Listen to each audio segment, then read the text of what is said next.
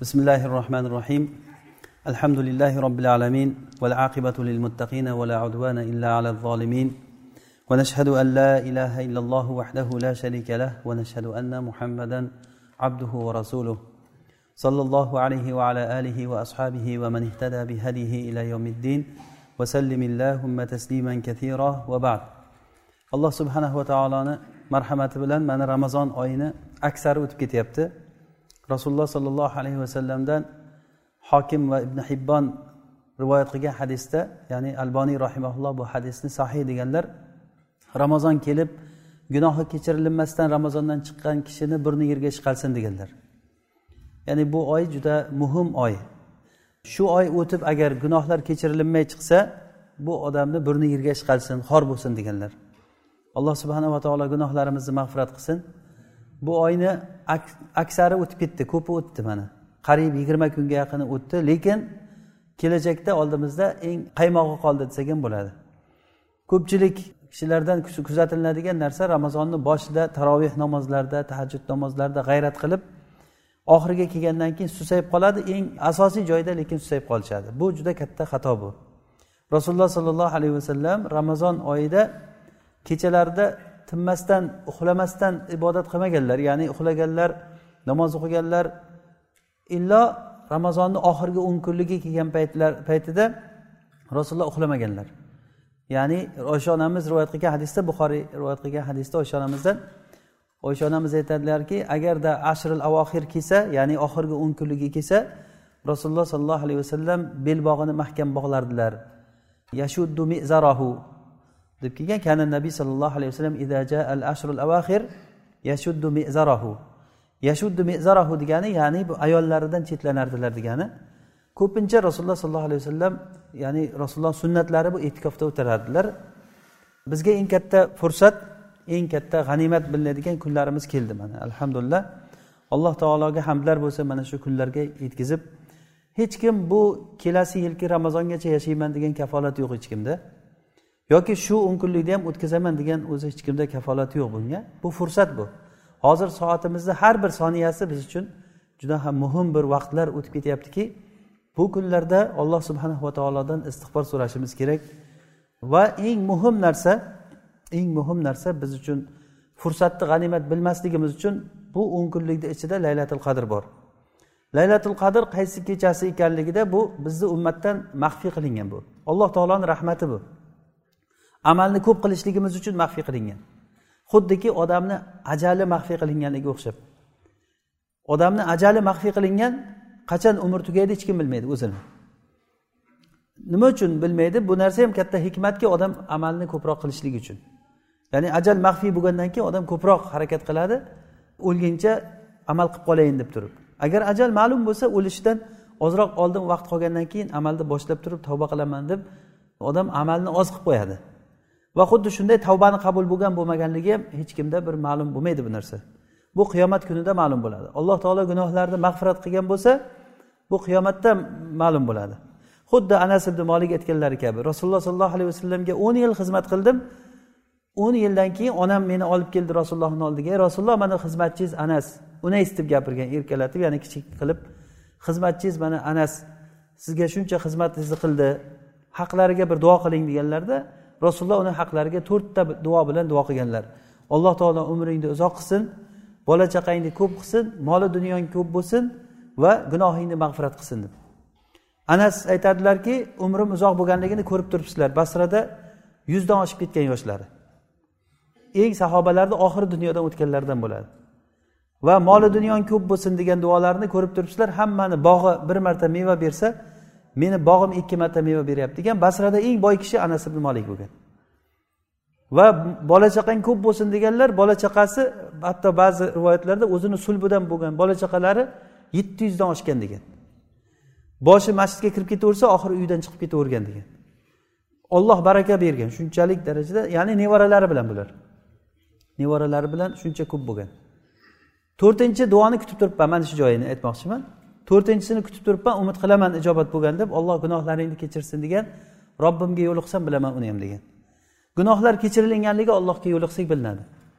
Shu bu ham alloh taoloni bir marhamatiki bizdan yashirilingan alloh taolo gunohlarimizni kechirsin. Xuddi shunday laylatul qadr ham yashirilingan laylatul qadr ham bizdan yashirilingan ba'zilar yigirma yettinchisida deydi. Yana bir bizda bo'layotgan katta bir xatolarimizdan biri laylatul qadrni yigirma yettinchida deb aldanib qolgan odamlar. Bugun laylatul qadrmi deb bir biridan so'raveradi. Laylatul qadrga necha kun qoldi. Laylatul qadr o'tib ketdi deydi yigirma yettisi o'tsa masalan. Balkim oldidadir hali laylatul qadr uni bilib bo'lmaydi. Laylatul qadr yashirilingan ko'proq taxmin yigirma yettiga. Ko'proq taxmin yigirma yettiga. Ba'zi ulamolar yigirma beshda degan. Ba'zi ulamolar yigirma uchda degan. Ba'zilari yigirma to'rtinchida degan. Ba'zilari yigirma birda degan. Lekin mana shu oxirgi o'n kunligini ichida inshaalloh. Oxirgi o'n kunligini ichida qaysida bo'lsa ham. Ba'zi ulamolar aytishganki laylatul qadr ko'chib yuradi degan. Bir yili yigirma birda kelsa bir yil yigirma uchda misol uchun. Bir yil yigirma to'qqizda bir yil yigirma yettida. Olloh biladi qaysida kelishligini buni aniq bir nima aytilinmagan bunga. Ya'ni ochiq bir nas aytilinmagan. Rasulullohga aytilingan. Rasululloh xabar beraman deb chiqish paytlarida sahobalardan ikkitasi bir biri bilan kelishmovchilik bo'lib qolgan paytda rasululloh shularni o'rtasini isloh qilib turib yodidan chiqib qolganlar. Rasulullohni yodlaridan chiqib qolgan. Keyin aytdilarki men sizlarga laylatul qadrda aytgani chiquvdim. Bu meni yodimdan ko'tarildi. Ehtimol bu sizlar uchun yaxshi bo'lsa kerak. Buni tog' kechalarida istanglar deb aytdilar. Lekin aniq bir kunda aytmadilar. Aniq bir kunda aytmadilar. Ya'ni yigirma uch kun yigirma uchinchida yo yigirma beshda yo yigirma yettida istanglar deb aytganlar. Muhim mana shu o'n kunligi inshaalloh laylatul qadr bittasi. Agar o'n kun oxirgi o'n kunlikda tursak laylatul qadrni inshaalloh topgan bo'lamiz. Mana bu biz uchun juda ham muhim kechalar oldimizda turibdi. Shuning uchun ham fursatni g'animat bilaylik. Bu kunlar yana qayta qayta kelaveradi degan shaytonni vasvasasini olib qo'ying. Yana qayta qayta kelaveradigan narsani olib qo'yish kerak. Bu fursat bir keldi mana hozir. Mana shu narsani har bir odam g'animat bilib qolishlik kerak. Demak laylatul qadrni istab eng yaxshi foydalanadigan narsa e'tikof o'tirishlik. Shuning uchun ham bugungi suhbatimizda men e'tikofni ba'zi bir odoblari haqida suhbat qilmoqchi bo'ldim. Buni fiqhi haqida gapiramiz e'tikofni fazli va fiqhi haqida. Chunki har bir ibodat agar fiqh bilan bo'layotgan bo'lsa uni ajri ko'p bo'ladi. Alloh taolo aytadiki ayyukum ahsanu amala. Sizlarni qaysilaring yaxshi amal qilishliklaringni sinash uchun alloh taolo sizlarni mana bu dunyoga keltirdi deganda tafsirda ulamolar ahsanu amala degani ay ahlasuhu va asvabuhu ya'ni ham eng xolisi ham eng to'g'risi degan. To'g'risi degani rasulullohni sunnatiga to'g'ri kelgan. Ya'ni fiqhiy jihatdan to'g'ri bo'lgani degani. E'tikofimiz to'g'ri bo'lishligi uchun uni ba'zi bir fiqhiy tomonlari bor. Inshaalloh mana shuni aytamiz. E'tikof bu lug'atda o'zi bir joyda habs qilib bir joyda saqlanib o'tirish degani. Bir joyda masalan odam bir narsani kutib o'tirib qolsa o'sha yatakafa deyiladi arab tilida. Ali roziyallohu anhu bir qavmni oldidan shaxmat o'ynab o'tirgan odamlarni oldidan o'tib qolgan. Aytganlar o'shanda ma antum laha akifun? Sizlar unda oldida e'tikof o'tirgan bu butlar bu nima edi degan. Haligi shaxmatni nimalariga haykalchalariga odam termilib o'tiradi ikki tomondan turib. Juda oyatni qarangki bir ajib joyda istidlol qilganlar. Sizlar bu e'tikof o'tirgan bu butlaring bu nima edi bu deb aytganlar. E'tikof demak lug'atda bir joyda o'zini ushlab turish degani shariatda maxsus bir yerda maxsus bir sifatda maxsus bir holatda o'tirish degani. Rasululloh sollallohu alayhi vasallam e'tikof o'tirardilar. E'tikofni sobit bo'lishligi qur'on va sunna bilan va ijmo bilan sobit bo'lgan. Qur'on bilan sobit bo'lganligi alloh taolo aytadiki sizlar masjidlarda e'tikof o'tirgan paytlarda ayollarga yaqinlik qilmanglar deganlar. Alloh taolo. Ya'ni bu degani masjidlarda e'tikof o'tirganda deyaptimi? Demak e'tikof o'tirishlik mana qur'onda kelyapti. Sunnatda sobit bo'lganligi rasululloh sollallohu alayhi vasallam e'tikof o'tirdilar o'zlari. Va rasululloh bilan ayollari ham qo'shilib ba'zi ayollari e'tikofda o'tirgan hatto rasulullohni istihoza bo'lgan ayollari ham qon oqib turgan holatda e'tikof o'tirgan. Ya'ni masjidda taklariga tog'ora qo'yib bir ilojini qilib turib e'tikofda o'tirgan. Rasululloh bilan ayollari ham o'tirgan rasululloh dunyodan o'tganlaridan keyin ham rasulullohni ayollari masjidda e'tikofda o'tirgan ekan. Sahobalar o'tirgan e'tikofda va bunga ijmo kelgan hech bir kishi unga e'tikofni mashru ekanligida xilof qilmagan. E'tikof masjidda o'tiriladi. Ya'ni masjid deganda bu hozirgi oyatda aytganimizdek va antum akifuna fil masajid. Masjidlarda man jumhur aimmalar mana shu oyatni istidloli bilan e'tikof masjidda bo'ladi. Masjiddan boshqa yerda e'tikof bo'lmaydi deyishganlar. Hatto ayollarga ham. Ayollarni e'tikofda o'tirishlik masalasi o'tiraman desa masjidda o'tirish kerak. O'tiraman desa masjidda o'tirish kerak. Masjiddan boshqa yerda ayollarga e'tikof bo'lmaydi. Bu jumhurni mazhabi va shu rojihi ham shu. Mana shu oyat bilan va antum akifuna fil masajid masjidlarda e'tikof o'tirganda degan. Masjid deganda bu jamoat masjidi bo'lishi kerak. Ulamolarni aytgan gaplari bu masjid degani jamoat namozi o'qilayotgan masjid bo'lishi kerak. Agar juma juma ham o'qiladigan masjid bo'lsa jomiy bo'lsa yana ham yaxshi. Chunki juma uchun chiqib kirib e'tikofiga halal yetmaydi. Mana bu e'tikofni sobit bo'lishligi. E'tikof masjidlarda bo'ladi dedik. Ba'zi ulamolar aytishganki e'tikof faqatgina uchta masjidda bo'ladi. Masjidil haromda masjidi nabiyda va masjidil aqsoda bo'ladi. Ular la yatikafa illa fi salasati masajid degan hadisni istidlol qilishgan ya'ni e'tikof faqat uchta masjidda bo'ladi. Mana shu uchta masjidda masjidil haromda masjidi nabiy va masjidil aqsoda bo'ladi deganlari. Lekin jumhur ayimmalar ularga qarshi gapirishgan. Aytishganki bu degani e'tikof afzal bo'ladi shu masjidlarda o'tirsa degani bu. Bu degani bundan boshqa masjidlarda e'tikof bo'lmaydi degani emas bu. Mana shu rojihi shu ularni gapi e'tiborga olinadigan holatdagi gap emas. Ya'ni buni tanbeh uchun aytib qo'yapmiz. Hatto ba'zi bir yoshlar bor ular e'tikof o'tirib bo'lmaydi. Faqatgina masjidi haromda yo masjidi nabiyda yo masjidi aqsoda o'tirish kerak e'tikofda deb mana shu hadis bilan aytib yurgan kishilar bor. Ularni gapiga e'tibor berilmaydi. Jumhu jamahir aimmalarni mazhabi shu. Ya'ni e'tikof har qanday jomiy masjidda juma o'qilmasa ham hattoki besh vaqt namoz o'qiladigan bo'lsa o'sha masjidda o'tirsa bo'ladi inshaalloh. Keyin e'tikof odoblari.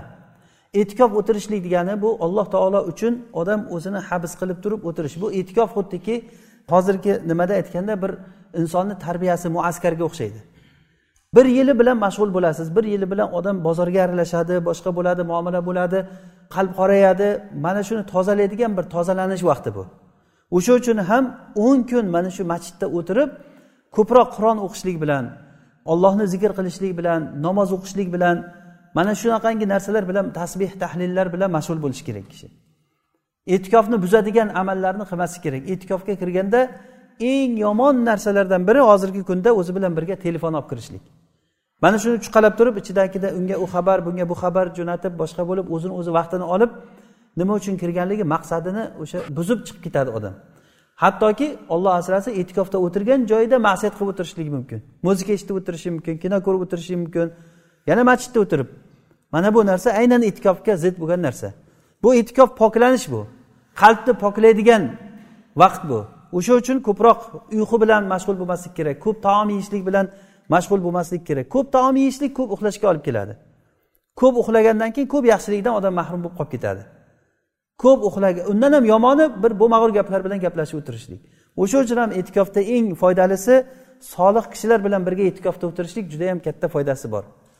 Solih kishilar bilan bir birini iymonga tezlab zikr majlislari tashkil qilib o'sha joyda ollohni eslab zikr qilib tasbeh aytib namoz o'qib ulamolar aytishganki agarda ilmiy kitoblar o'qisa e'tikofda nima bo'ladi? Ilmiy kitoblar masalan hadis kitoblarini o'qishlik va boshqa nahu mana hozirgi lug'a arabiya o'qiyotgan talabalar lug'a arabiya o'zini kitoblarini olib kelib o'qisa bo'ladi lekin yaxshisi u kitoblarni boshqa yerga qo'yish kerak. Yili bilan o'qigani vaqt bor. Lekin bu vaqt ko'proq qalbni tozalaydigan vaqt qalbni tozalashga olib borayotgan narsalar ko'proq namoz o'qishlik ko'proq ollohni zikr qilishlik agarda arabchani tushunayotgan kishilar bo'lsa tafsir kitoblarini o'qishligi foydasi bor. Ya'ni chunki tafsir kitoblari qalbni poklashlikka olib keladi. Ko'proq shu qalb amallariga ko'p e'tibor berib vaqtni fursatni g'animat bilishlikka harakat qilinadi. Keyin e'tikofda jim o'tirishlik bu sunnatdan emas. Jim o'tiraverishligi bunda yo qur'on o'qib turish kerak zikr qilib turishlik kerak. Keyin qattiq qur'on o'qiganda ham baqirib qur'on o'qib uxlab yotganlarni uyg'otib yuborib bu yoqdagilarni ham xayolini bo'ladigan darajada qilinmaydi. Chunki mo'min kishi bir boshqa bir mo'minga ozor bermaslik kerak. Gunohlar mag'firat qilinishligi uchun kirgandan keyin shu niyat bilan kirish kerakki shu joyda men gunohim mag'firat bo'lib chiqib ketaman degan qasd bilan kirish kerak. O'n kun hech narsa emas bu. O'n kun agar odam o'zini habs qilib yer ichariga e'tibor bersa uyqusiga e'tibor bersa gaplariga e'tibor bersa bu vaqtlar biz bir bir yili bilan bo'lgan kamchiliklarni tuzatadigan vaqt bu. O'shanda odam masalan har xil halol bo'lgan narsalardan tiyilinishi kerak. Muboh bu. Masalan gapirishlik muboh. Mayli gaplashing suhbatlashing muboh. Lekin aynan e'tikofga kirgan paytda faqat foydali gapdan gapirish kerak.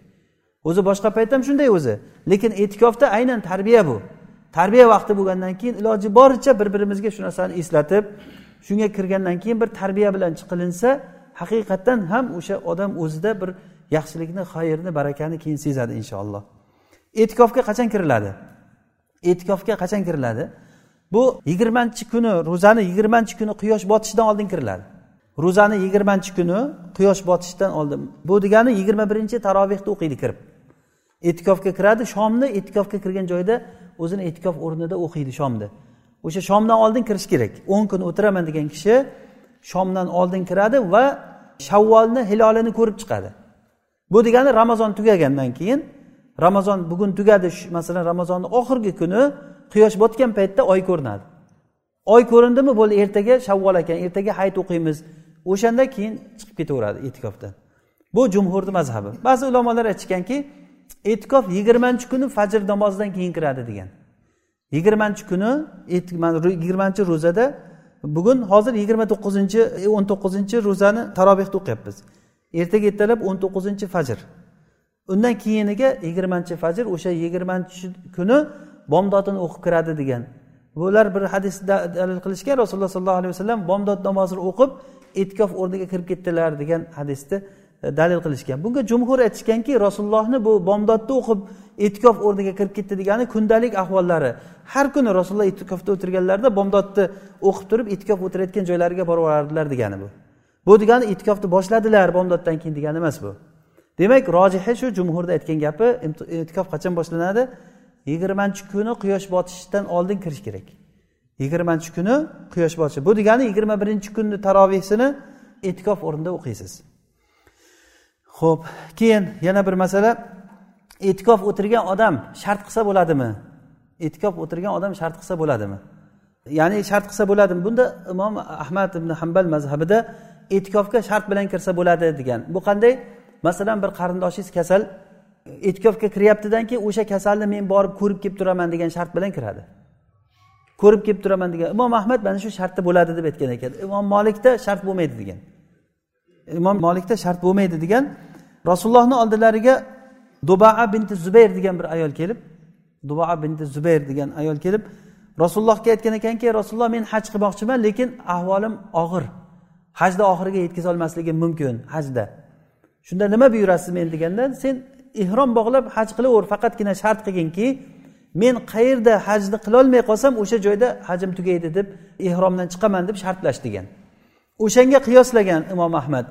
Shartlashib o'sha shart bilan itkofga kirsa lekin bu hajda bu.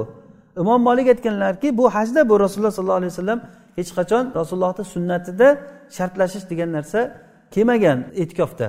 Rojihi shu imom molikni aytgan gaplari shartlashish degan narsa yo'q bu. O'zi shart uch xil bo'ladi. Birinchisi joiz shart bor. Ya'ni ikkinchisi o'zi u shartni umuman shart qilsa ham bo'lmaydi. Shart qilsa ham bo'lmaydi va biri shartlashsa ham shartlashmasa ham chiqsa bo'lishligi. Shartlashish joizligi birinchisi shartlashsa ham shartlashmasa ham bo'laverishligi hojat uchun chiqaman deyishligi. Inson hojati uchun e'tikofda turgan odam inson hojati uchun chiqsa bo'ladi. Inson hojati yemoq ichmoq va tashqariga chiqish degani hojati uchun. Mana shu uchun chiqsa bo'ladi. Ammo savdo sotiq uchun chiqishlikni shart qilsa bu sharti botil bu. Men kiraman e'tikofda ikki kun o'tiraman keyin chiqib turib bozorga borib bir tijoratimni qilib yana qaytib kiraman desa bu e'tikofi o'n kun e'tikofni niyat qilgan odamga bo'lmaydi bu. O'n kun niyat qilgan odamga e'tikofi ya'ni o'n kun bir biriga bog'langan bo'lmay qoladi. O'sha uchun bu sharti joiz emas ammo joiz sharti shuki masalan bir kasal kishi bor e'tikofga kiraman o'shani ko'raman deb shartlashsa o'sha sharti joiz shart ya'ni. Ya'ni shartlashsa bo'ladi degan kishilarni mazhabi bo'yicha aytyapmiz buni. Shartlashsa bo'ladi degan kishilarni imom ahmadni qavli bo'yicha agarda bir zarur ishi bo'lsa hojati uchun o'shani shartlashib kirsa keyin chiqsa bo'laveradi. Lekin shartlashmasdan kirsa e'tikofda turgan odam kasal ko'rishi mumkin emas. E'tikofda turgan odam janoza namoziga qatnashishi mumkin emas. Masjiddan chiqishi mumkin emas. Masjiddan qachon chiqadi? Inson hojati uchun chiqadi. Faqat va faqat inson hojati uchun chiqadi masjiddan. Boshqa paytda masjiddan chiqishligi mumkin emas. Chunki e'tikof degani o'zi lug'atan istilohan bir joyda o'tirish degani. O'zini habs qilib qamab masjidda o'tirish degani. Bo'lib ham ollohni uyiga kelib turib gunohimni kechirasan deb ollohni eshigiga yotib olish degani bu. Ollohni uylaridan bir uyga kirib o'zing kechirsang kechirasan kechirmasang ham kechirasan degan ma'noda shu masjidda mahkam yotib olish degani. Ayol kishi e'tikofda o'tirishlik masalasi. Ayol kishini e'tikofda o'tirishlik masalasi buni yuqorida ozroq aytib o'tdik. Ayollar e'tikofda masjidda o'tirishi kerak. Ya'ni bunda xilof bor lekin jumhur ayimmalarni mazhabi va rojihi shu ayol kishi masjidda o'tirishi kerak. Masjiddan boshqa yerda uyida e'tikofda o'tirishligi niyati bilan savob olaveradi lekin e'tikof bo'lmaydi u e'tikof o'zi sunnat amal. Agarda unga sharoit bo'lsa qilish kerak buni. Sharoit bo'lmasa bu sunnat qilinmaydi. Sharoit bo'lsa sunnat bu rasululloh sollallohu alayhi vasallamni ayollari ummahatul mo'minin masjidda o'tirganlar. Agarda uyda o'tirish mumkin bo'lganda edi rasululloh uyda o'tiringlar deb aytardilar. Ramazon oyida rasululloh sollallohu alayhi vasallam e'tikof o'tiraman deb kirdilar. Rasulullohni ayollari ham kelgan qarasalar bir biridan musobaqa qilib turib hammasi kiyib olgan. Rasululloh aytdilarki sizlar yaxshilik niyatida keldilaringmi yo bir birlaringga talashib keldilaringmi? Deb rasululloh o'shanda ularga siyosat qildilarda shu bilan e'tikof o'tirmay chiqib ketdilar. Ramazon oyida e'tikof o'tirmadilarda keyin shavvol oyida ro'za e'tikof o'tirdilar. Agarda uyda o'tiraverish mumkin bo'lganda ayollariga aytardi bor uyga borib o'tiringlar e'tikof. Ayol kishi uyda ham o'tirsa bo'ladi deb demak bu narsaga hojat bor edi rasululloh aytmadilar buni. Hojat bo'lib turib rasululloh aytmadilarmi demak bu mashru emas degani. Bu sunnatda yo'q degani. Agar bo'lganda rasululloh sollallohu alayhi vasallam aytgan bo'lardilar. Demak ayol kishini e'tikofi masjidda bo'lishi kerak. Agar masjidni sharoiti bo'lmasa masjidda sharoiti bo'lmayotgan bo'lsa unda e'tikof o'tirmaydi ayol kishi. Masjidda sharoit bo'layotgan bo'lsa yaxshi. Keyin yana bitta ayollardan bo'layotgan xatolar. Ba'zi bir bo'yiga yetgan qizlar fitna bo'layotgan holatdagi qizlar masjidga kelib olib turib uxlab u yoq bu yoqlari ochilib qolib ayollarni o'shanaqangi fitnalar bo'lishligi mumkin. Agar unaqangi sharoit bo'layotgan bo'lsa masjidda o'tirmaslik kerak. Masjidda o'tiriladi ayol kishi qachon sharoit bo'lsa? Ya'ni o'ralgan bir alohida ayollar uchun bir joylar bo'lsa ayollardan boshqa odamni u yerga ko'zi tushmayotgan bo'lsa fitna bo'lmayotgan bo'lsa sharoit bo'lsa ayollar o'tirsa bo'ladi. Bo'lmasa bu narsa sunnat amal sunnat amal qachon sunnatga amal qilinadi? Sharoit bo'lsa. Sunnatni qilaman deb turib fitnaga yoki haromga kirib qolinsa bu shariat maqsadlariga to'g'ri kelmaydi.